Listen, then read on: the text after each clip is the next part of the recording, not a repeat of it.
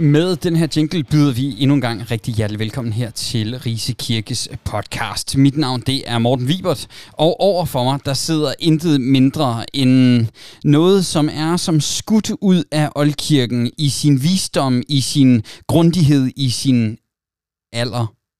Nemlig min kærlige kollega, Robert Bunde Hansen. Ja, jeg oplevede meget af det, vi, øh, vi taler om. Førstehånds. Ja. Førstehåndsindtryk, ja. Eller oplevelser. Første øjen, øjenvidende beretninger. Ja. ja, sådan kan man i hvert fald godt føle sig, når man har passeret de 40 nogle gange. Det. Nå, i hvert fald rigtig hjertelig velkommen her til vores udsendelse. Vores podcast, øh, den er, har udviklet sig fra en gennemgang af katekismen hen over nogle helligdage, og så hen over noget, som faktisk øh, nu er blevet en gennemgang af kirkehistorien. Sådan mere eller mindre fra A til Z, eller Å, alt efter hvilket alfabet vi bruger. Ja, og øh, derfor så er, vi, øh, så er vi godt i gang. Vi startede med øh, den allertidligste kirke. Det giver god mening, og det vil sige, at vi startede fra omkring sådan lige efter år 0. Faktisk sådan lige omkring pinsedag. Og øh, så har vi ellers bevæget os op, og nu er vi sådan omkring det 3. århundrede, øh, tredje fjerde århundrede. Vi har bevæget os hen over martyr, vi har bevæget os hen over noget omkring kanondannelse, altså hvordan Bibelen den blev til. Vi har haft lidt berøring med nogle kirkemøder i Nikea, hvor vi får nogle trosbekendelser, og sådan fortsætter vi egentlig øh, Athanasius og sådan noget. Det er der, vi finder nogle af folkekirkens bekendelseskrifter, som vi har i dag, nemlig de tre oldkirkelige bekendelser. Og det er sådan set grundlaget. Men vi har også nogle ting, som vi sådan lige skal have styr på. Fordi at der er nogle øh, begreber, nogle ting, som øh, er der, når vi bevæger os op gennem de her århundreder, og som vi lige skal have sat lidt ord på. Også fordi vi jo lige ved at glemme i hvert fald en af dem, hvor jeg tænker, den er nu rar nok at have med. Så Robert, hvis jeg siger gnosticisme, Ja, det er et øh, meget lækkert ord at sige, gnosticisme. Men hvad ligger der i det? Gnosticisme øh, er, kommer ordet gnosis, betyder indsigt, erkendelse. Øh, Hartwig Wagner øh, skrev i en indledning til den nytestamentlige tids historie tilbage i, jeg tror det er i 99, han har skrevet den, at øh, siden 1970, så det er en periode på øh, 29 år på det tidspunkt, at øh, der var skrevet over 7.000 artikler, bøger, antologier og monografier om, hvad gnosticisme egentlig var, og dengang var man ikke blevet enige om det. Det er man stadigvæk ikke. Så, det- så det er sådan lidt forskellige blandede retninger, Ja. ja. som på en eller anden måde kommer til udtryk. Ja. Men meget firkantet, så drejer det sig om en række små religiøse bevægelser øh, fra 2. til 4. 5. århundrede. Øh, man kan måske sammenligne det med det, vi i dag kalder New Age. Det er også sådan et, et lidt udflydende begreb. Hvad ligger der egentlig i det? Men helt grundlæggende, så er det en række øh, bevægelser, øh, der hævder at have en særlig erkendelse. Øh, de hævder, at øh, verden er, som vi kender den, den er ond, den er en illusion, som mennesket skal sætte sig ud over. Mennesket er selv fanget i det. Det er vores sjæl, en indre øh, åndelig gnist, der skal udfries. Øh, man stiller tingene op, gode, godt imod ondt. Og øh, hvis der er nogen, der har set The Matrix, den her gamle film, så er det jo faktisk øh, et gnostisk verdensbillede, den præsenterer. Hvis man ikke har set den, øh, så kan man sige, øh, man, man påstår som sagt, at verden er ond, og at man skal udfries til en god øh, verden, eller et, øh, en, en god, øh, ikke fysisk verden. Så det er sådan meget åndelighed, det, det egentlig kommer ud på, ja. og, og at lemet er sådan lidt sekundært. Ja. Ja. Godt, godt, godt, Robert. Fordi det var, det var sådan en lille... øh, Fordi den spreder sig nemlig over flere århundreder, den her sådan blanding af små forskellige religiøse retninger, som alle sammen har det her fokus her. Hvem er det så, vi sådan har som, øh, som øh, modstandere, hvis vi sådan tager kirken som den etablerede kirke på det her tidspunkt, eller mere etableret kirke? Mm. Øh, så, så er det... Øh, altså, jeg tænker, jeg tænker personligt på sådan nogen som øh, Irenaeus og Tertullian, og så også en gut, der hedder Hippolyt. Ja. Øh, Irenaeus, hvem, øh, hvem har vi der? Hvad har vi af ham? Jamen, vi har blandt andet øh, et af hans store værker, Irenaeus var biskop op i Lyon, øh, det der siden blev til Lyon, øh, og, og skrev sit store værk, sit hovedværk, der hedder Mod kætterne. Adversus haeresis, som det hedder på latin oprindeligt. Meget smukt. Ja, et, et, et smukt og godt skrift stadigvæk. Ja. Hvor han øh, gik i rette med, med gnostikerne. Øhm, Tertullian, han øh, sad jo nede i Nordafrika, hvis jeg husker ret. Er det ikke rigtigt? Og øh, deres geografi, øh, den kan, er ikke altid lige spids på, men øh, hvis du lige forklarer lidt om Tertullian, så er jeg sikker på, at øh, jeg har et svar lige om lidt. Og, og han, øh, han øh, rasede også imod øh, mod gnostikerne og ligeledes øh, Hippolyt. Øh, Karthago. Karthago, ja, det er jo i det, vi i dag vil kalde uh, Tunis, Tunation. Ja, lige præcis. Øhm, øhm, og helt grundlæggende øh, problem, problemet for, for de her øh, kirkefædre, det er, at gnostikerne de påstår typisk, at øh, verden er skabt af en, af en, af en ond øh, øh, gud eller øh, dæmon, øh, der nogle gange kaldes håndværkeren, øh, demiurgen, og så er øh, Jesu Kristi fader af den her åndelige øh, størrelse, der er uden for tid og rum, og, og ikke har noget med skaberværket at gøre, og så er Jesus kommet for at fortælle os det her. Det betyder jo også, at mange gnostikere, de afviser øh, det gamle testamente, og det skaber jo en udfordring i kristligt set, fordi så er alle forjættelserne, som man henviser til i gamle testamente, jo heller ikke særlig relevante, hvis øh, gamle testamente fortæller om den her onde øh, Gud, der har skabt øh, verden. Nej, så, så kan man sige, så er der jo ikke så mange lykkelige øh, profetier. Nej, nej, nej. Der... Nej, okay. Jamen, det er jo gnosticismen. Og øh, så øh, det bringer mig videre til øh, en anden strid. Mm. Og øh, hvis man sådan lægger mærke til i de her øh, programmer her, eller de her udsendelser, så vil I lægge mærke til, at øh, ret ofte så henviser vi til en eller anden strid. Mm. Et slagsmål, et skænderi. Mm. Øh, nogen, der lappede hinanden en. Øh, for eksempel julemanden der lappede Arius en. Ja. Og øh, sådan har vi forskellige øh, stridigheder. Der er også noget her undervejs, der hedder den donatistiske strid. Mm. Kan du forklare noget om den? Ja, man bliver så glad for vores samarbejde, når man ser, hvor let det kan øh, udvikle sig til stridigheder.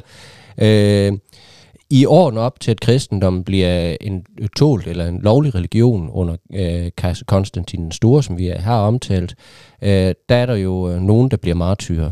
Men øh, der er jo også nogen, der... Øh, der ikke lige føler for at blive martyr, øh, som udleverer øh, de hellige skrifter, der øh, øh, en traditor, en overgiver. Øh, det er for øvrigt også derfra, vi har øh, det engelske ord en traitor, en forræder. Det er en, der udleverer de, øh, de hellige. Øh. Hvad som er tradition? Ja, det er også det samme. Man kan sige, at der er en dobbelt, det er faktisk det samme ord, der er jo en dobbelthed i det. Øh, udleverer man noget, eller overleverer man noget? Ja, lige præcis. Ja. Øhm, der, er jo, der, er jo, der er jo hele tiden en dobbelthed i, i, i, i, i det aspekt. Altså, hvad er det, man giver videre, og hvem giver man det videre til? Ja. Øhm, øh, men, men donatisterne, øh, det, det efter kristendommen bliver, bliver en tålt religion, der, der er der jo en... Øh, en række biskopper, der, der måske ikke øh, har et helt godt CV. Nogle af dem har, har reddet sig selv ved at udlevere skrifterne til at blive brændt, øh, har måske øh, i et øjeblik svaghed øh, øh, sagt, nej, nej, men det der med kristendom, det, det, det tror vi ikke på. Det, øh, det, I har fuldstændig ret, øh, forfølger. Øh, jeg skal i hvert fald ikke blive martyr. Og så bagefter, da det blev lovligt, så, huha, øh, Jamen, jamen vi, vi, vi, vi mente det jo ikke. Det så så, så det, er, mm. det er egentlig lidt, at der er nogle, vi har nogle mennesker her, som mm. har blevet udsat for forfølgelse, ja. og som måske har givet efter for det. Ja. For at slippe for at dø, for eksempel. Ja. Donatisterne, de siger så, dem der, de kan ikke have et embede i kirken, de kan ikke være præster, de kan ikke være biskopper. Øh, så vi, øh, og, og der sidder jo mange biskopper, der, der har haft et øjebliks, og præster, der har haft et øjebliks svaghed, og som ikke er blevet martyrer. Det er derfor, de stadigvæk er i live. Øh, donatisterne, de øh, danner sig en udbrydergruppe øh, inden for kirken. De anerkender simpelthen ikke, at, at, øh, at nogen, der har, der har svigtet det engang, de kan være biskop eller præster. Øhm, og, og, og, og, og man kan jo sige, der er jo også en, en helt bestemt øh, forståelse af, af, det, af det embede, det er at være biskop og præst. Der. Det skal være nogen, der ikke øh, kan siges noget på, de skal være udadelige. Øh, og, og danner jo øh, simpelthen øh, deres egen kirke. Øh, den er særlig stærk i Nordafrika, det vi vil kalde Algeriet, øh, Tunesien, øh, også i et eller andet omfang, det vi vil kalde Libyen i dag. Det er jo gamle kristne kraftcentre, det er det jo ikke mere i dag. Nej. Ikke så meget mere. Ikke så meget mere. Øh, det, det er der en forklaring på, den kan vi tage senere. Den kan vi tage senere. Der var et eller andet, der gik galt der. Øh, men, men den kører faktisk hele vejen frem til, at islam øh, kommer frem og overtager de her områder. Det er først der, den, den øh, donastiske kirke, øh, den, den går under. Sådan. Ja. Så øh, den donatistiske strid handler i virkeligheden om, at nogen, øh, nogen valgte, øh, eller nogen i et øjeblik svaghed, frasagde sig troen, mm. og hvad skulle der så ske med dem efterfølgende? Og det blev så slået fast, at de kunne stadigvæk have et værv i kirken. Ja. Sådan. Ja. Det var meget kort fortalt. Ja. Det, det er, når jeg lige koger en hel masse ind. Ja. ja. Øhm, så fint. Godt. Og hvornår, øh, hvornår er den donatistiske strid? Jamen, den er jo fra øh, cirka 325 øh, cirka, og så frem til, øh, til sådan... Øh, den bliver så undertrykt ret hurtigt øh, og forfulgt, den donatistiske kirke, fordi man, man, øh, man, man, man mener øh, fra officielt hold ikke, at, at det er den rigtige vej at gå. Men den, den eksisterer faktisk frem til, jeg tror faktisk til en gang i 5-600 årene. Okay, så der er sådan en lille udbrydergruppe, der, der fortsætter et eller andet sted. Ja, fortsætter, og, og som så på et eller andet tidspunkt, så får man andre problemer at forholde sig til. Ja, altså hvad, hvad jeg kunne finde, der, der står der bare, at, at øh, efter 435, der findes der kun sådan en spredt efterretning. Altså det, det vil sige nemlig det der med, at det har fortsat sådan lidt op, lidt videre, men er så gået i sig selv igen. Ja, godt. Hold da op, Robert. Det var... Øh, det, det er effektivt i dag. Ja, og det kan lige siges, at nogle af de her ting her, det kan godt være, at det lyder lidt knudret, når de bliver forklaret, men øh, det er endnu ikke knudret, end det lyder. Mm. Øh, fordi hvis man virkelig skal forstå det, så kan jeg kun anbefale, at man sætter sig ned og virkelig læser om det. Mm. Fordi det her, det er sådan nogle stridigheder, som de fylder ret meget i Oldkirken. Mm. Øh, fordi at det også er i Oldkirken, at rigtig mange af de ting, vi mere eller mindre står på i dag, jo er slået fast. Altså den retning i kirken, som vi har fået, og som løbende er blevet slået an, den har i virkeligheden rigtig meget sin grund mm. i det, der skete i de første århundreder, sådan en 400-500 år jo faktisk der. Ja, ja, og man kan sige i dag, øh, der, der kan man sige, at er sådan en debat overhovedet relevant, og det er den måske ikke. Der er måske ikke så mange folkekirkepræster, der, der er blevet øh, truet til at udlevere de hellige skrifter og til at fornægtes af Kristus. Men, men man kan sige sådan, hvis man udvider perspektivet lidt, så er spørgsmålet jo, jamen, hvorfor en karakter skal en, øh, en, en, en, en præst øh, have? Mm. Kan, man, kan man have en moralsk anløben sovnepræst? Øh, eller skal øh, præsten være øh, udadelig, havde jeg sagt, for at bruge et gammeldags udtryk?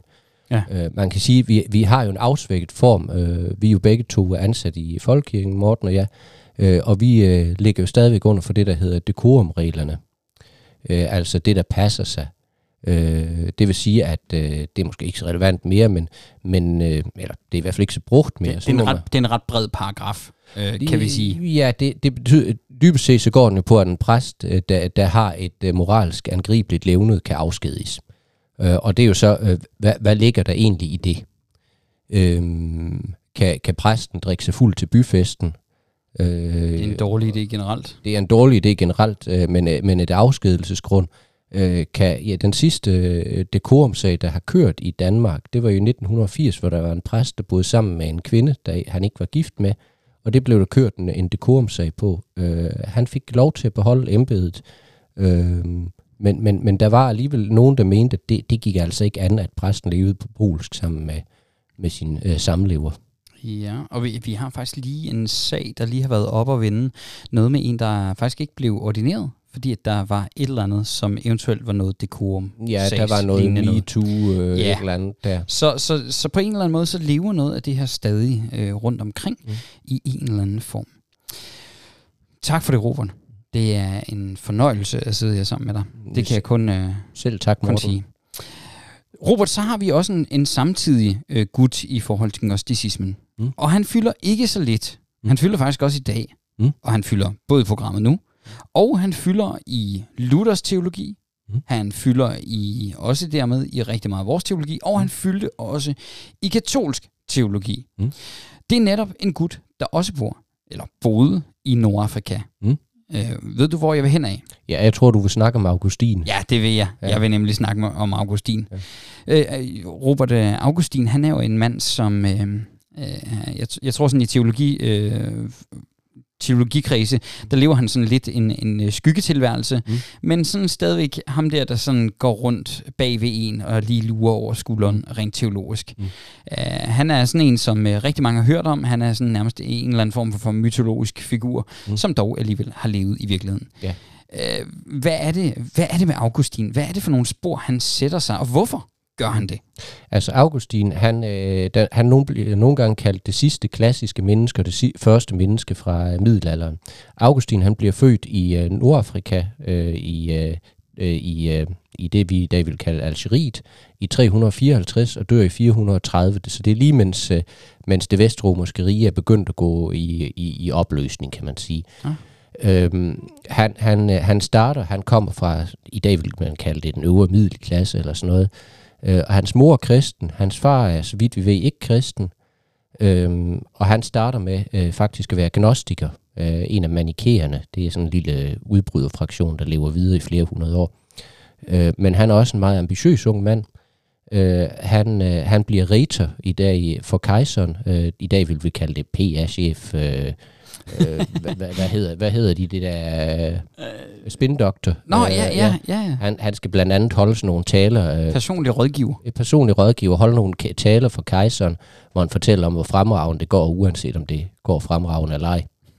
Men på et tidspunkt, der får han så en, en, en oplevelse. Uh, han hører nogle børn, der leger udenfor, uh, der, der råber tolle læge, tolle læge, og det betyder tag læs, tag læs, og så slår Augustin op i sin bibel. Øh, han er jo en velhavende mand, så han har sin egen bibel. Øh, meget usædvanligt på det tidspunkt.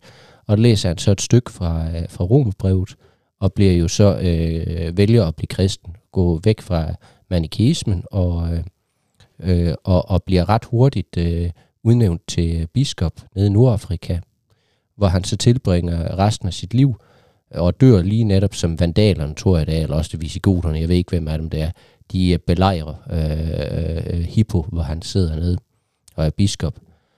Øhm, det, det, det er måske ikke så interessant i sig selv. Det, der er interessant, det er, at han, han har et utroligt stort øh, teologisk forfatterskab. Jeg tror, der er nogen, der siger cirka 5 millioner ord, så det er sådan, vel, sådan en, en gennemsnitlig bogreol i sådan dansk hjem. Det er udmærket, ja. Ja, det er ret godt klaret.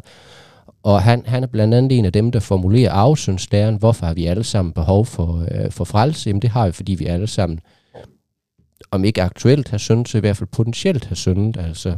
Ja, for, fordi hvordan, hvis vi skal forstå afsynden, fordi det er jo en af de ting, som, øh, som øh, Luther også tager med op mm. fra, fra Augustin og fra den mm. augustinske lærer. Mm. Hvad, hvad er det, øh, hvis vi sådan skal forklare afsynden på sådan lidt øh, teologisk nudansk, mm. hvad, hvordan er det så forklaret? Altså, altså man kan jo sige, at der er jo mange, der, der måske støder sig på forestillingen om, at de skulle være sønder, og så kan man jo med nogen rimelighed, eller mange vil kunne sige, at jeg har da egentlig aldrig gjort noget sådan rigtig slemt.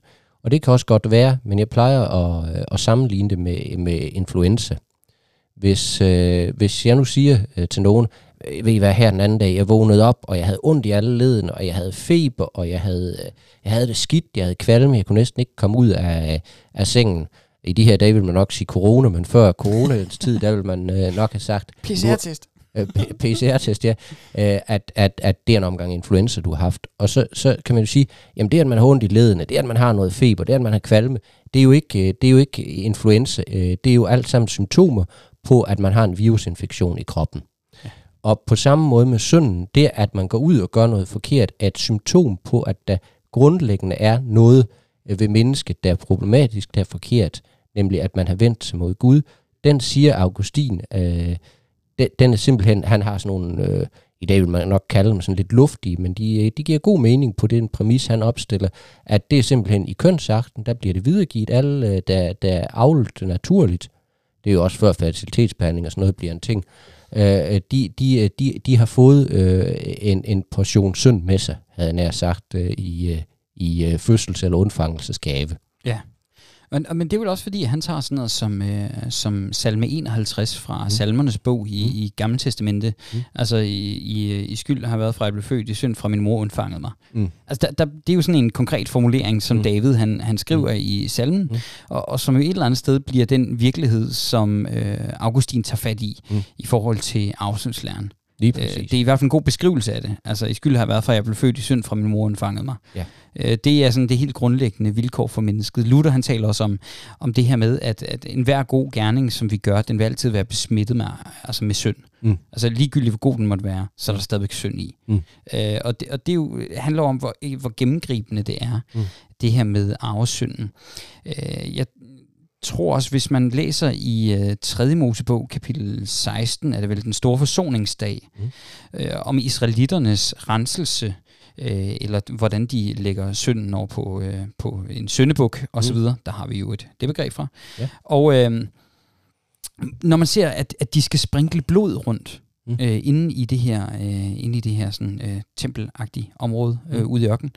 Og, øh, og, og der et går de simpelthen... tempel. Et telttempel, ja. ja øh, der går de simpelthen og sprinkler blod på jo nærmest hvad som helst. Mm. Altså, og det er jo det her med, at alt, hvor mennesket har været, mm. er ramt af synden. Ja. Det er sådan helt den der... Hvis vi virkelig skal forstå, hvor gennemgribende det her med afsynden er, mm. så er det helt ind i selv den allermindste celle. Mm. Der sidder der en lille kim af afsynden ja. i os. Øh, og sådan er det bare. Mm. Øh, og man kan sige, det er jo, jo, det er skidt, men det er jo samtidig også det, der med til at lede os over til at forstå Guds væsen. Mm. Det er også det, der går, gør, at vi kan komme over og forstå, hvad er det så, Jesus gør? Mm. Øh, og hvilken betydning er det så, det har, når han offrer sig på mm. korset for os? Mm. Det, det er jo øh, det er hele den der følgen i det. Mm. Øh, så, så Augustin, han er jo helt, helt grundlæggende for alt det her. Øh, så, så, så afgjort, altså... Øh Øh, om, om, man, man, man kan jo sige, at, at en del af det her, det, man, man skal også passe på, at man ikke uh, tror, at det her det er formuleret ud i et tomrum, at Augustin sad en dag, og så tænkte han over, at han følte sig sådan lidt, ja, ja, ja, pling, sådan lidt skidt tilpas, og så fik han en god idé.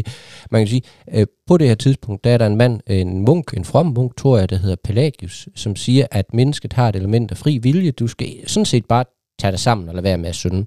Så kan man ligesom nærme sig Gud selv. Og så siger Augustin jo, at han, han jo... Uh, han er jo en klog mand, han, han er jo vant til at tænke logisk, så siger han, jamen hvis det bare drej, hvis synd bare er et spørgsmål om dårlig vane, at du bare skal tage dig sammen, så er Kristus død for ingenting. Øh, det er netop fordi, der ikke er nogen, der kan tage sig sammen, at din vilje, den, den, den er underlagt det onde, at Kristus blev nødt til at dø på korset og tage vores sønder på sig.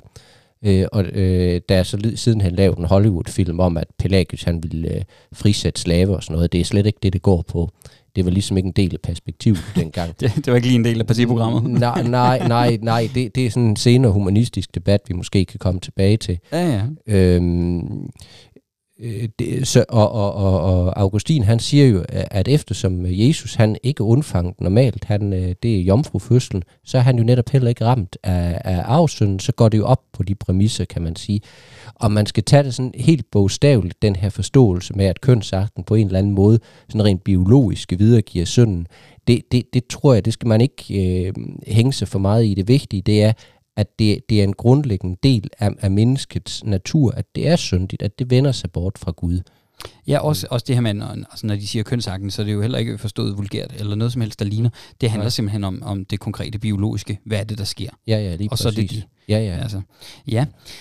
Ja, ja, ja, jeg mindes her på studiet en gang, jeg tror faktisk, det var nærmest første semester, der skulle vi på et tidspunkt lave et eller andet projekt, og øh, det var blandt andet om øh, pelagianerne, mm. og øh, så lavede vi noget, der hed øh, et gerningsløb, mm. øh, for, for at få forklaret noget omkring, hvad det her det handlede mm. om. Og øh, det er netop det her med, at det handlede bare om at tage sig sammen. Mm. Ja. Øh, og, og, og, og hvis jeg må tilføje en ting, ja, ja. Øh, noget, noget, der er sjovt ved Augustin, det er jo, øh, jeg, var, jeg var engang til et foredrag med en fransk øh, lært, havde han nær sagt, øh, der blev spurgt øh, øh, om, om øh, hvorfor Roman aldrig skrev en, en, en Robinson Crusoe-roman. Øh, og og det, det, øh, det kan man jo undre sig over, det er et mærkeligt spørgsmål. Men vi, vi kender jo alle sammen historien om Robinson Crusoe, der, der, der strander ude på en eller anden sydhavsø, og så civiliserer han sin omgivelse og... Øh, og civilisere de vilde derude. Det er meget politisk ukorrekt for øvrigt, og jeg tror for øvrigt, at det er fordi hans slavehandel, han strand på den der ø. Nå, øh, jamen så... Der kan man bare se. Lige noget til at læse til børnene, hvis man har det. Øh, se at få jer et godt borgerligt erhverv. Ja, øh, godt så. Men, men, men, øh, men, men der sagde den her franske lærte, jamen romerne ville aldrig skrive en Robinson Crusoe-roman, fordi et menneske kan ikke være alene på en ø. Et menneske, der er alene og, og, og unddrager et menneske et fællesskab, det er en abekat. Det er simpelthen vildt. Øh, det var øh, nemt. Det var, nem, altså, det var en nem opdeling. Ja, ja altså det, det, det kan ikke lade sig gøre. Og der, øh, der, man kan også se, at når romerne skriver om sig selv, de skriver aldrig om, jamen så tænkte jeg, så følte jeg sådan noget. Øh, så det er altså noget med, X blev vred, fordi at Y gjorde et eller andet, eller, eller blev glad, fordi Y gjorde noget. Mm. Øh, Augustine den første, han skriver jo sine bekendelser, som er, er meget læsværdige, øh, om en skrevet sådan lidt belastende. Det er henvendt som sådan, det er hans, hans selvbiografi, sådan som, som en til Gud. Øh, hjertet er uroligt, øh, indtil det finder hvile i dig, jo herre. Øh, og han er faktisk den første, der skriver sådan en selvbiografi, som vi kender, hvor han sådan reflekterer over, hvad følte jeg så, og hvorfor gjorde jeg det, og hvorfor gjorde jeg egentlig ikke noget andet og sådan noget, i stedet for bare at fortælle, så gjorde jeg det, så erobrede jeg... Øh, Kartago. Jeg Kartago, og så, så bankede jeg dem sønder sammen, og, og så fejrede jeg triumf. Det gør Augustin ikke, han reflekterer over sit indre følelsesliv, og, og sådan, altså, han er faktisk en moderne mand. Altså, jeg vil, jeg vil sige, altså, efter dansk stil, der, der er han nok, øh, altså, det er lige før, det bliver vammelt, altså, så, så meget føler han, altså. Øh, men, men det er så stilen, men det, men det er interessant, han er den første, der gør det, og han starter jo en, en trend, der fortsætter op til i dag, altså. Jeg øh, hiver dig videre mm. i øh, mit øh, program. Øh, jeg kan sige, at øh, jeg har nemlig lavet en lille spiseseddel, hvor vi skulle se, hvad vi kunne nå igennem. Mm. Øh, og øh, så tvinger jeg ellers Roberts hjerne igennem det. Og øh, den, en af de ting, jeg sådan lige har, det er faktisk, at jeg kom i tanke om Augustin. Mm. Hvad har han i forhold til for eksempel sakramenterne, altså dåb og nadver? Mm. Hvad siger manden? Jamen, øh, der tror jeg faktisk, du ved mere om det, end jeg gør. Altså, Uha, ja, skal altså, jeg virkelig skal ja, jeg spille bolden? Ja, altså man kan jo sige, at han, han er jo en af dem, der, der, der taler meget varmt for barndåben. Ja. Øh, det har jo været sådan en, en, en, en debat frem og tilbage, øh, om skal man have voksendåb, eller skal, altså blandt de tidlige kristne, der er ligesom ikke et, debat, et, på den måde et debatemne, fordi de er voksne, de møder evangeliet. Øh, på det her tidspunkt, der er det blevet meget populært at, at udskyde, udskyde øh, sønnen, jamen man snubler over ordene, udskyde øh, øh, dåben øh, til dødslejet. Derfor er det også meget uheldigt, hvis man dør øh, pludseligt, hvis man vælter om med et hjertestop, for så kan man jo ikke nå det. Øh, fordi hvis man nu ligger og er meget, meget syg øh, tilbage i år 300-400, øh, og man så bliver døbt på dødslejet, så kan man sige, eller så var tanken, jamen, så kan du ikke nå at synde, efter du er blevet døbt. Men hvis jeg så, hvis jeg så, så tager jeg lige fat i nadveren. Mm. Øh, fordi det, øh, barndåben mm. varm fortaler, det kan vi godt lide. Ja. Og øh, så har vi så ja, har vi nadveren. Augustin også. Ja, ja nemlig ja. ja. Øh, så har vi jo øh, så har vi nadveren. Og Luther han siger jo at om, omkring det her med sakramenter, mm. at, at det er Augustin der har sagt, at mm. når ordet kommer til den fysiske ting, så bliver det sakramente, mm. sådan noget cirka. Ja. Ikke? Øh, og, og det er jo ligesom det, der kommer til at ligge til grund for øh, det, hele den lutherske forståelse af, hvad nadveren og mm. hvad dåben er. Mm. Altså det her med, at når ordet, det vil sige Guds løfte, mm. kommer til en konkret ting, det vil mm. så sige, at i dåben, der er det jo så øh, vandet, og i nadveren er det brødet og vinen. Mm. Når Guds ord kommer til det, mm. så bliver det til et sakramente, fordi så er det en Guds løfte, hans ord, hans, øh, ham der står bag, mm. og så er, det, øh, så er det samtidig den fysiske ting.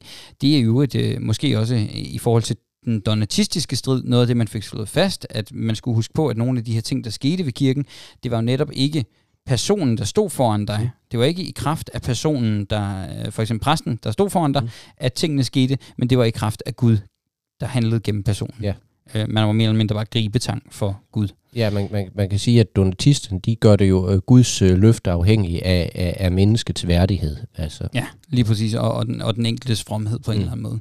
Ja. Uh, men, men det er i hvert fald der, hvor det spiller ind også i vores forståelse, og det er derfor, Augustin han bliver så vigtig en person også for os i dag. Det er fordi, at rigtig meget af det, som han bygger videre på, kan man sige, fra Oldkirken. Fordi han, han står jo heller ikke bare som en øh, Robinson Crusoe på sin egen mm. øh, ø.